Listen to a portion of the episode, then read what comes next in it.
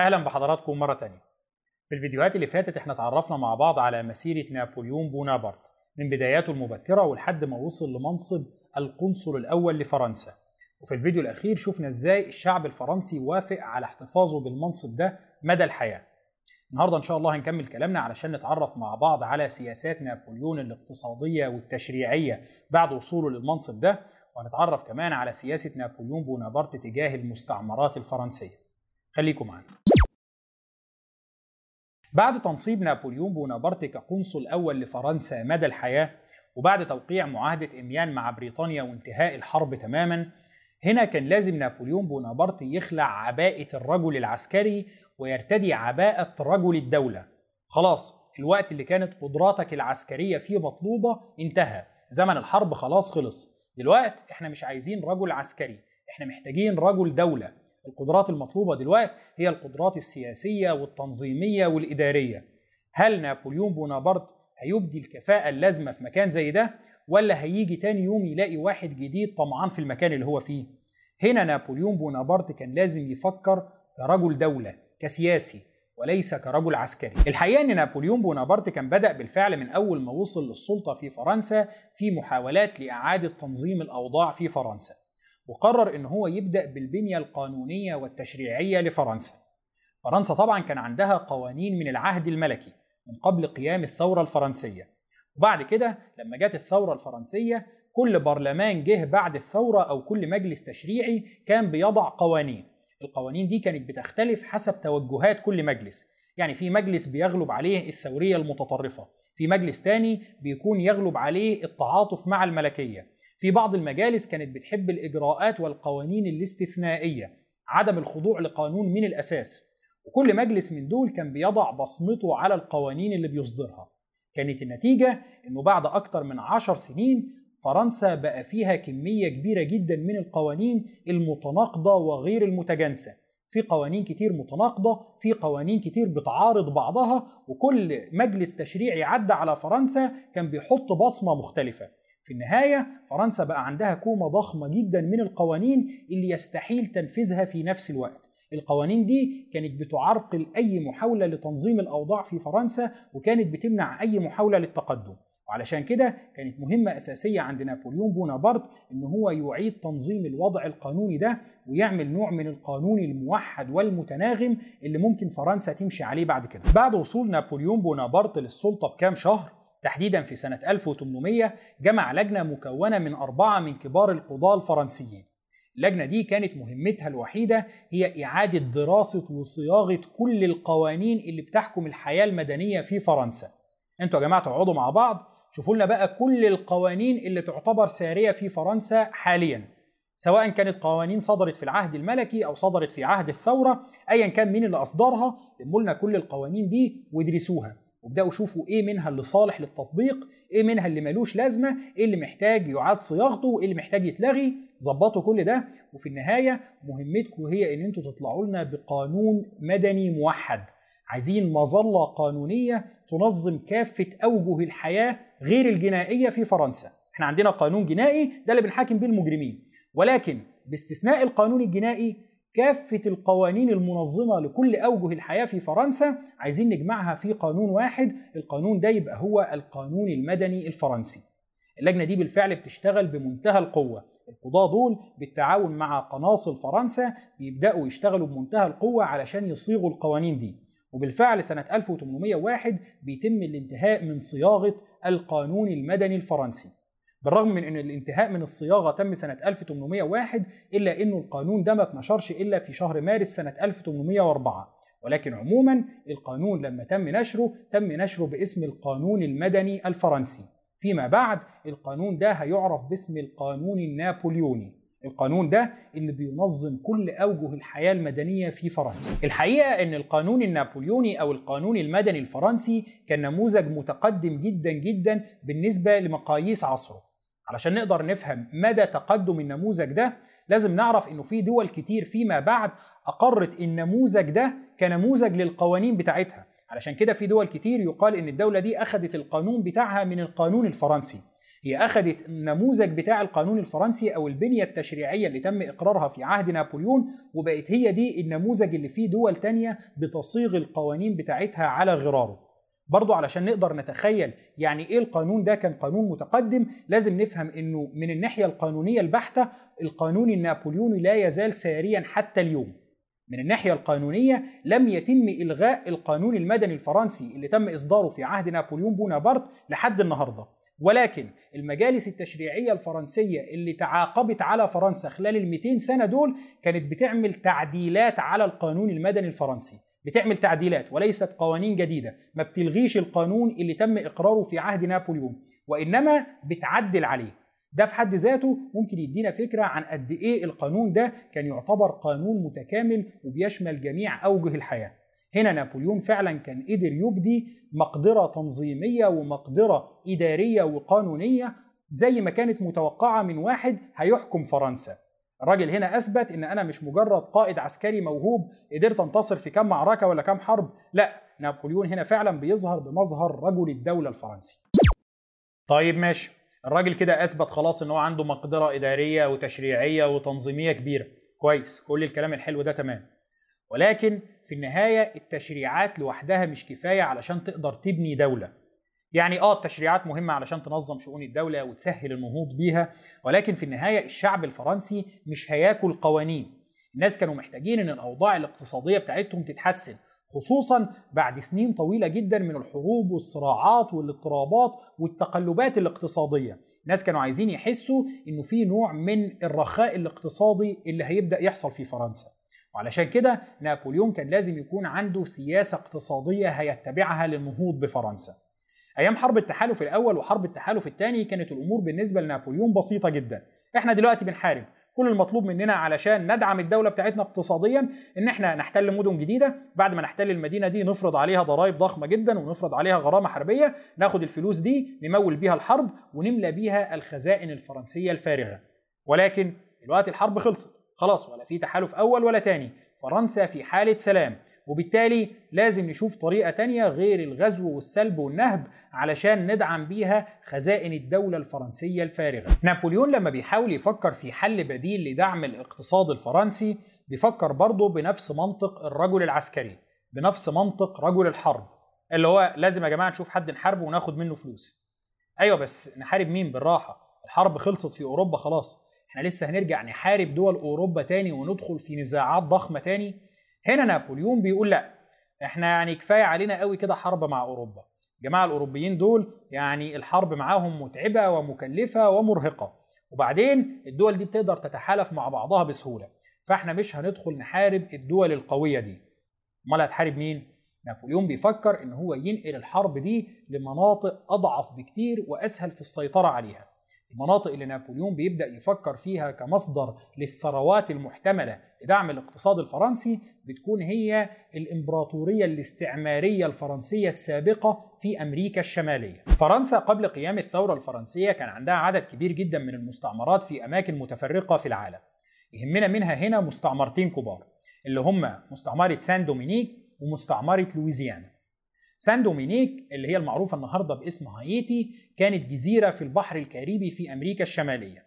الجزيرة دي كان الفرنسيين سيطروا عليها لفترة طويلة جدا وبعد سيطرتهم عليها بدأوا يجيبوا أعداد ضخمة من العبيد من أفريقيا. العبيد دول كانوا مسؤولين هناك عن زراعة قصب السكر. الفرنسيين حولوا المستعمرة دي بفضل مجهودات العبيد دول لأكبر مكان لإنتاج قصب السكر في كل المستعمرات التابعة ليهم وحتى كانت أكبر من أي مستعمرة تانية تابعة لبريطانيا في إنتاج قصب السكر. مستعمرة سان دومينيك قبل قيام الثورة الفرنسية كانت تعتبر ثالث أكبر مساهم في الدخل القومي الفرنسي. كانت أغنى مستعمرة فرنسية وكانت بتساهم بنسبة كبيرة جدا في الدخل القومي لفرنسا ككل. لما قامت الثورة الفرنسية وحصل اضطراب في سلطة فرنسا وسيطرتها على المستعمرات بتاعتها قامت ثورة كمان في مستعمرة سان دومينيك. الثورة دي قام بيها العبيد السابقين اللي كانوا موجودين في المستعمرة دي ونجحوا فعلا في السيطرة على المستعمرة. سنة 1794 الثورة الفرنسية أخذت واحد من القرارات المحترمة بإلغاء الرق في كافة المستعمرات التابعة لفرنسا. ناس قالوا إحنا قايمين بثورة وبننادي بحقوق الإنسان وبالمساواة والإخاء. إحنا إزاي بنقول الشعارات دي كلها؟ وإحنا عندنا مستعمرات تابعة لفرنسا المستعمرات دي مليانة عبيد. إحنا لازم نحرر العبيد دول. وبالتالي صدر مرسوم عن الثورة الفرنسية بيعلن تحرير كافة العبيد في كل المستعمرات الفرنسية. طيب والله كلام كويس جدا. الفكرة إن القرار ده اتطبق في بعض المستعمرات الفرنسية. اللي كان للثورة الفرنسية سيطرة عليها. بينما في مستعمرات فرنسية تانية ما تمش تطبيق القرار ده بشكل فعلي فيها. ليه؟ لأن المستعمرات دي كانت خارجة عن سلطة الثورة الفرنسية. بعضها كان الملكيين مسيطرين عليها بعضها كان الإنجليز سيطروا عليها ولكن في النهاية الثورة الفرنسية ما كانش ليها سلطة في المستعمرات دي علشان تقدر تلغي الرق والعبودية فيها. فضلت الأمور في فوضى لفترة كبيرة. خصوصا مع اندلاع الحروب في أوروبا وبعد كده تحطم الأسطول الفرنسي وبالتالي ضعف أو انعدام قدرة فرنسا على التواصل مع المستعمرات بتاعتها. لحد ما انتهت الحرب في أوروبا وتم إقرار السلام وتم توقيع اتفاقية إميان ما بين بريطانيا وما بين فرنسا. بعد الاتفاقية دي بقى من حق السفن الفرنسية إن هي تسافر بأمان في جميع البحار. وبالتالي فرنسا استعادت مرة تانية قدرتها على التواصل مع المستعمرات بتاعتها. خلاص بقى خلينا ننسى الحرب ونبدأ نفوق دلوقتي ونركز للمستعمرات بتاعتنا دي ونستعيد سيطرة فرنسا عليها ولكن كان في نقطة مهمة في معاهدة إميان تخص المستعمرات دي النقطة دي هي إنه بريطانيا اتفقت مع فرنسا على إنه العبودية لن تلغى في المناطق التي لم يتم تطبيق مرسوم سنة 1794 فيها. المرسوم اللي أصدرته الثورة الفرنسية والقاضي بتحرير العبيد في جميع المستعمرات الفرنسية زي ما قلنا كان اتطبق في بعض الأماكن وفي بعض الأماكن التانية ما اتطبقش. هنا بريطانيا اللي ما كانش عاجبها فكرة تحرير العبيد وكانت شايفة إن موضوع تحرير العبيد ده هيبقى نموذج سيء وهتنتقل العدوى بتاعته لمستعمرات تانية تابعة لبريطانيا كانت رافضة الفكرة تماما. وعلشان كده حاولت تحاربها. إزاي؟ اتفقوا مع فرنسا في المعاهدة دي إنه أي مكان كان خارج سلطة فرنسا وبالتالي فرنسا ما قدرتش تطبق فيه بالفعل مرسوم سنة 1794 خلاص هيفضل الوضع فيه على ما هو عليه والعبيد سيظلوا عبيد. العبيد دول لن يتم تحريرهم ونابليون وافق على الشرط ده. طبعا هنا نابليون بونابرت بدأ يفكر أن المستعمرات دي فرصة ذهبية لإنعاش الخزانة الفرنسية. المستعمرات دي زي ما قلنا مستعمرة سان دومينيك لوحدها كانت ثالث أكبر مساهم في الدخل القومي الفرنسي قبل الثورة. وبالتالي لو قدرنا نسيطر على المستعمرة دي ونرجعها تنتج قصب السكر بنفس الكميات اللي كانت بتنتجه قبل كده خلاص ده إحنا كده هننعش الخزائن الفرنسية. ولكن على الجانب الآخر الناس في سان دومينيك كانوا قلقين جدا من نابليون بونابرت. بالنسبة لهم موافقة نابليون على فكرة زي عدم تطبيق إلغاء العبودية في المناطق اللي ما اتطبقش فيها قبل كده كانت بتدي لهم دلالة واضحة على نواياه وموقفه من حاجة زي العبودية. الراجل ده ما عندوش أي مشكلة في فكرة العبودية في حد ذاتها. عادي يعني إن إحنا نستعبد الناس. سيبك بقى من الكلام بتاع تحرير العبيد والمساواة والإخاء المهم إن إحنا نشغل الناس دول علشان يجيبوا لنا فلوس. عبودية؟ آه عبودية ما عنديش مشكلة. وخصوصا إن نابليون بونابرت كان كرس للموضوع ده في الدستور الفرنسي اللي تم إقراره. لأن نابليون بونابرت كان حط مادة في الدستور الفرنسي بتقول إنه المستعمرات الفرنسية ستخضع لقوانين خاصة. وبالتالي كان واضح جدا إن نابليون مش ناوي يطبق نفس القوانين المطبقة على الأراضي الفرنسية في باقي المستعمرات الفرنسية. ده خلى الناس في سان دومينيك قلقين جدا من نابليون بونابرت ومستعدين لمقاومة سيطرته على الجزيرة. بينما نابليون بونابرت كان مستعد للسيطرة عليها بأي ثمن. بالنسبة له دي مغامرة سهلة نسيطر عليها وبعد كده نرجع المستعمرة الغنية دي تحت سيادة فرنسا مرة تانية. وبالفعل نابليون بونابرت جهز حملة عسكرية مكونة من 20 ألف جندي فرنسي بقيادة زوج أخت نابليون نفسه.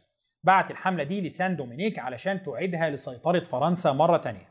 في نفس الوقت اللي نابليون بونابرت أصدر فيه مرسوم معروف باسم مرسوم 20 مايو سنة 1802 المرسوم ده كان ببساطة بيقضي بإلغاء مرسوم سنة 1794 مرسوم سنة 1794 اللي هو كان بيقضي بتحرير العبيد. نابليون أصدر مرسوم تاني بيلغي فيه المرسوم ده اللي هو ببساطة نابليون بونابرت كان بيعيد وبشكل قانوني العبودية مرة تانية إلى المستعمرات الفرنسية. الحملة اللي بعتها نابليون بونابرت وصلت سان دومينيك. لكن بعد وصول الحملة دي لقت مفاجأة في انتظارها. المفاجأة كانت إنه السيطرة على سان دومينيك كانت أصعب من أي حرب تانية خاضتها الجيوش الفرنسية أصعب حتى من الحروب اللي كانت بتخوضها ضد القوى الأوروبية المختلفة. جيش سان دومينيك المكون من العبيد السابقين قدر يبدي صمود أسطوري أمام الجيش الفرنسي قدر يحقق انتصارات متعددة عليه في معارك متعددة. أي نعم الحرب ما بين الجيشين كانت بتتسم بالوحشية والعنصرية الشديدة وكان في أحيان كتيرة الجيوش الفرنسية بتاعة الثورة والإخاء والمساواة بتعدم الناس فقط لمجرد إن لونهم أسود بغض النظر عن الناس دول حاربونا ولا لأ أو شالوا سلاح ضدنا ولا لأ كان مجرد كونك أسود هو تهمة كافية لإعدامك. وعلى الجانب الآخر برضه جيش العبيد السابقين الجيش اللي بيحارب الجيش الفرنسي كان بيرتكب نفس الأفعال تجاه اللي لونهم أبيض. الحرب دي كان فيها القتل على الهوية أو القتل على اللون. ولكن عموما الحرب كان فيها نوع كبير من التكافؤ وقوات سان دومينيك قدرت تصمد بشكل كبير جدا أمام الجيش الفرنسي. لكن اللي زود الكارثة بالنسبة للجيش الفرنسي كان انتشار مرض الحمى الصفراء ما بين جنوده. الحمى الصفراء فتكت بآلاف من الجنود الفرنسيين ومن ضمنهم قائد الحملة وزوج أخت نابليون نفسه اللي مات بسبب مرض الحمى الصفراء. وبالتالي الجيش ما بقاش بس بيحارب أعداء أقوياء لكن كمان كان بيهاجموا مرض عنيف جدا والمرض ده كان بيفتك بالآلاف من جنود في النهاية الجيوش الفرنسية ما بتقدرش تحارب الأعداء اللي بيهاجموها من كل اتجاه وفي نفس الوقت تحارب المرض. بتنهزم فرنسا هزيمة منكرة وبيضطر نابليون بونابرت للقبول بالهزيمة دي. وبينجح العبيد المحررين في إن هم يعلنوا إقامة دولة مستقلة. يوم 1 يناير سنة 1804 بيتم إعلان قيام دولة هايتي اللي هي كان اسمها قبل كده لما كانت مستعمرة تابعة لفرنسا سان دومينيك واللي بتعرف من وقتها لحد النهارده باسم هايتي. هايتي بتكون أول دولة مستقلة يتم إنشائها في منطقة البحر الكاريبي في أمريكا الشمالية. بتكون كمان أول دولة في العالم تلغي العبودية بشكل كامل. وبتكون الدولة الوحيدة في التاريخ اللي تم إنشائها بعد ثورة ناجحة للعبيد المحررين على أيدي العبيد دول. المستعمرة الثانية لنابليون بونابرت كان مهتم بيها جدا هي المستعمرة الموجودة حاليا في قلب أراضي الولايات المتحدة الأمريكية والمعروفة باسم لويزيانا. أمريكا في الأساس كانت عبارة عن مستعمرات إنجليزية ومستعمرات فرنسية.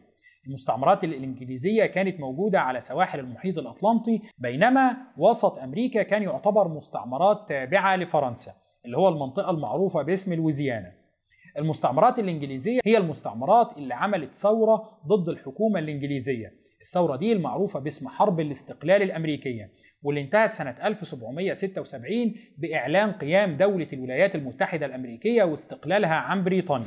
منطقة لويزيانا نفسها كانت منطقة موجودة في قلب القارة الأمريكية كانت تابعة لفرنسا في الأساس. اسم لويزيانا نفسه مشتق من اسم لويس الرابع عشر ملك فرنسا.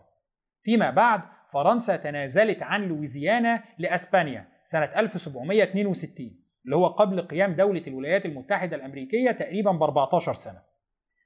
فرنسا تنازلت عنها لأسبانيا ولكن لما نابليون بونابرت وصل للسلطة كان عنده طموحات إن هو يرجع يكون إمبراطورية استعمارية فرنسية ضخمة جدا. وعلشان كده بدأ يفكر في منطقة لويزيانا مرة تانية. في إطار نوع من التحالف ونوع من المعاهدات مع أسبانيا أسبانيا وافقت على إن هي تتنازل لفرنسا مرة تانية عن منطقة لويزيانا وبالتالي خلاص فرنسا هترجع تستعيد سيطرتها مرة تانية على منطقة لويزيانا. إحنا هنا ما بنتكلمش عن ولاية لويزيانا الموجودة حاليا في الولايات المتحدة الأمريكية. لا إحنا بنتكلم عن منطقة كانت تعادل في الوقت ده مساحة تكافئ مساحة كل الولايات المتحدة الأمريكية مجتمعة. كل الولايات اللي كانت بتشكل أمريكا في الوقت ده كانت مساحتها تقريبا قد مساحة لويزيانا اللي بتسيطر عليها فرنسا. طيب هي ثروة بالضخامة دي في حد ممكن يتنازل عنها بالسهولة دي؟ يعني فرنسا تتنازل عنها لأسبانيا وبعد كده أسبانيا ترجع ترجعها تاني لفرنسا. وبعدين الولايات المتحدة الأمريكية نفسها كانت فين من الموضوع ده؟ هنا إحنا لازم نوضح إنه لويزيانا في الوقت ده ما كانتش لويزيانا بتاعت النهارده أو ما كانتش المنطقة دي النهارده. حاليا المنطقة دي هي وسط الولايات المتحدة الأمريكية. منطقة غنية جدا وثرية جدا وفيها نشاط اقتصادي ضخم جدا. ولكن في الوقت ده منطقة لويزيانا العملاقة دي كانت مساحات شاسعة ولكن ما فيهاش عدد كبير من السكان أو المستعمرين التابعين لحكومات أوروبية. تقريبا كل السكان اللي كانوا تابعين لحكومات أوروبية في المنطقة الشاسعة دي كان عددهم 60 ألف فرد بس. الستين ألف دول كان نصهم من العبيد. وبالتالي المنطقة دي كانت مأهولة في الأساس بالسكان الأصليين اللي هم بيطلق عليهم اسم الهنود الحمر. هم دول اللي كانوا مسيطرين على المنطقة دي بالكامل. يعني سواء فرنسا أو أسبانيا كان ليهم نوع من السلطة الإسمية على المنطقة. حكومات الدول دي بتقول المنطقة دي بتاعتنا واللي معترف بسيطرتهم عليها هم باقي الحكومات الأوروبية. ولكن ما كانش ليهم تواجد فعلي ونشاط اقتصادي ضخم في المناطق دي كلها. الولايات المتحدة الأمريكية نفسها كانت معترفة بسيادة فرنسا أو بسيادة أسبانيا على المناطق دي. لأنه في النهاية إحنا هنا بنتكلم عن الولايات المتحدة الأمريكية وهي لسه دولة ناشئة. أمريكا في الوقت ده عمرها كدولة كان لا يتجاوز 30 سنة. عمرها كان أقل من 30 سنة. وبالتالي دولة لسه يا دوب بادئة تبص حواليها وتشوف إيه اللي بيحصل. الدولة دي مش مستعدة إن هي تدخل في صراعات ولا نزاعات ولا حروب مع دول زي أسبانيا ولا دول زي فرنسا. وبالتالي أسبانيا وفرنسا مسيطرين على المنطقة دي من زمان وبيقولوا دي بتاعتنا. وأمريكا معترفة بسيادتهم على المناطق دي. نابليون بونابرت لما اتفق مع إسبانيا على إعادة لويزيانا مرة تانية لسيطرة وسلطة فرنسا كان بيرتب لأنه منطقة لويزيانا تكون نواة لمستعمرة فرنسية ضخمة جدا. قال لك بس هي دي المستعمرة اللي إحنا هنكبرها وهنخليها أغنى من كل المستعمرات الإنجليزية. وبدأ بالفعل يرتب لإرسال جنود فرنسيين لمستعمرة لويزيانا. هنا أمريكا لما حست إن نابليون بونابرت بيرتب لترسيخ سلطته ووجوده فعلا في المناطق دي بدأت تقلق. من ناحية لأنه أمريكا كانت مهتمة بالسيطرة على أجزاء من لويزيانا وتحديدا منطقة نيو أورليانز اللي كانت منطقة مهمة جدا بالنسبة لحركة التجارة الأمريكية. أمريكا كانت مهتمة جدا بالسيطرة على نهر المسيسيبي علشان تقدر تأمن حركة التجارة بتاعتها. وعلشان كده كان بالنسبة لها تواجد فرنسي قوي في المنطقة دي يمثل ضربة لمصالحها. من ناحية تانية لأنه أمريكا ما كانش عاجبها فكرة تحرير العبيد في المستعمرات الفرنسية. إحنا إيه اللي هيحصل؟ لو بقى في مستعمرة فرنسية جنبنا وجات فرنسا قررت إلغاء العبودية فيها. تأثير ده هيبقى إيه؟ على العبيد اللي شغالين في المستعمرات الأمريكية. ومن ناحية ثالثه لأنه برضه يعني وجود دولة زي فرنسا مستعدة تمارس سلطتها وتبعت جنود ممكن يعمل احتكاكات أو مشاكل أو صراعات وأمريكا في الوقت ده كانت دولة بتحاول تنأى بنفسها عن أي مشاكل أو حروب أو صراعات. بس في النهاية الأرض دي أمريكا معترفة بسيادة أسبانيا أو بسيادة فرنسا عليها. وفي النهاية أمريكا مش عايزة تدخل في حرب مع فرنسا أو مع أسبانيا. علشان كده ما كانش عندها لا السلطة ولا القدرة إن هي تمنع التواجد الفرنسي في لويزيانا. وهنا الحكومة الأمريكية بدأت تفكر بشكل مختلف. طيب ليه ما نتفقش مع فرنسا؟ هنا الحكومة الأمريكية قدمت عرض لنابليون بونابرت. بيع لنا حتة صغيرة من لويزيانا. عايزينك بس تشوف أنت كام يرضيك وتبيع لنا منطقة نيو أورليانز. اللي هي كانت منطقة مهمة جدا بالنسبة للتجارة الأمريكية وعلشان يقدروا يسيطروا منها على مجرى نهر المسيسيبي. ولكن اللي حصل إنه مع هزيمة الجيوش الفرنسية في هايتي نابليون بونابرت بدأ يشوف إنه فكرة إقامة مستعمرات مش بالسهولة دي. الموضوع ما طلعش زي ما أنا متخيل إنه إبعت عدد قليل من الجنود يسيطروا على مساحات كبيرة ويعملوا لنا مستعمرات بتجيب فلوس. لا الموضوع طلع صعب وممكن المستعمرات دي تستنزف مال وجهد وجنود أكتر من أي حاجة تانية. وعلشان كده حماسة نابليون بونابرت لفكرة المستعمرات بدأت تقل. اللي قلل حماسة نابليون أكتر وأكتر هو إنه كان في بوادر لاندلاع حروب ضخمة في أوروبا زي ما هنشوف في الفيديو الجاي إن شاء الله. وعلشان كده نابليون بونابرت كان مضطر إن هو يركز جهده والجنود بتوعه داخل أوروبا. علشان كده قال لك لا موضوع المستعمرات ده يعني خلاص ما عادش أولوية بالنسبة لنا. خلينا نركز دلوقتي في اللي بيحصل في أوروبا. هنا نابليون بونابرت لما أمريكا عرضت عليه إن هي تشتري منه منطقة نيو أورليانز قال لهم لا أنا ما ببيعش نيو أورليانز. إيه رأيكم؟ أبيع لكم لويزيانا على بعضها. طبعا صفقة زي دي كانت صفقة ضخمة جدا. بصوا يا جماعة هديكم مساحه تعادل مساحة دولتكم. اشتروها واعملوا اللي أنتوا عايزينه برطعوا براحتكم. كان في بعض المعارضة للصفقة دي داخل أمريكا. كان في ناس داخل أمريكا شايفين إن الصفقة دي ضخمة جدا جدا ومحتاجة موارد مالية كبيرة جدا وإحنا مش محتاجين كل المساحة دي. إحنا كل اللي عايزين نشتريه نيو أورليانز. ليه نشتري كل المساحة دي؟ ولكن في النهاية الرئيس الأمريكي أصر على إتمام الصفقة وتم تمرير الصفقة دي في الكونجرس الأمريكي اللي وافق على دفع مبلغ 15 مليون دولار لفرنسا في مقابل منطقة لويزيانا في مقابل كل ممتلكات فرنسا في القارة الأمريكية. ده معناه إن فرنسا كانت بتبيع الفدان بأقل من 3 سنت. ولكن في النهاية فرنسا كانت عارفة إن هي ما بتبيعش منطقة لها وجود قوي وفعلي وحقيقي فيها ما بتبيعش منطقة تم تعميرها وتم السيطرة عليها بالكامل ولكنها بتبيع حقوق السيادة على المنطقة دي.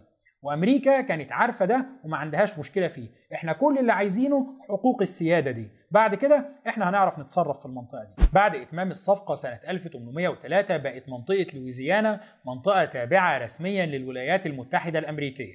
اللي لما بدأت تتوسع في المنطقة دي وبدأ يحصل صدام ما بينها وما بين السكان الأصليين كان عندها حجة قانونية شكلها شيك جدا وهي إنه إحنا اشترينا الأرض دي من فرنسا. الهنود الحمر يقولوا لهم أيوه بس يعني دي أرضنا إحنا دي بلدنا. إحنا ما بعناهاش لفرنسا. قالوا لهم والله دي مشكلتكم مع فرنسا. روحوا أنتوا اتكلموا مع فرنسا وشوفوا إيه المشكلة. لكن إحنا بالنسبة لنا إحنا معانا عقد رسمي ان إحنا شاريين المنطقة دي من فرنسا. فلو سمحتوا بقى إحنا عايزين نمد خط سكة حديد هنا وعايزين نسيطر على المنطقة دي وعايزين نعمل منجم هنا. ما يعني ما تعملولناش مشاكل الله يكرمكم. أمريكا بدأت تتوسع في لويزيانا وعلى الجانب الآخر. فرنسا قبضت ثمن الصفقة دي اللي أنعش الخزائن الفرنسية بشكل كبير جدا في وقت فرنسا كانت محتاجة فيه كل مليم. زي ما هنشوف في الفيديو الجاي كان في حروب ضخمة جدا بتندلع في أوروبا. وهنا الخزانة الفرنسية كانت محتاجة كل مليم والجيش الفرنسي كان محتاج كل جندي. فرنسا ما كانش عندها رفاهية إن هي تدور على مستعمرات ضخمة في آخر العالم. هنقف لحد هنا النهارده إن شاء الله والأسبوع الجاي هنكمل كلامنا علشان نتعرف مع بعض على إزاي نابليون بونابرت اتحول من القنصل الأول لفرنسا إلى إمبراطور فرنسا هنتعرف أكتر على علاقته بزوجته جوزفين وهنتعرف على إزاي الحرب اندلعت مرة تانية ما بين بريطانيا وما بين فرنسا. شكرا لحضراتكم وإن شاء الله الأسبوع اللي جاي نكمل كلام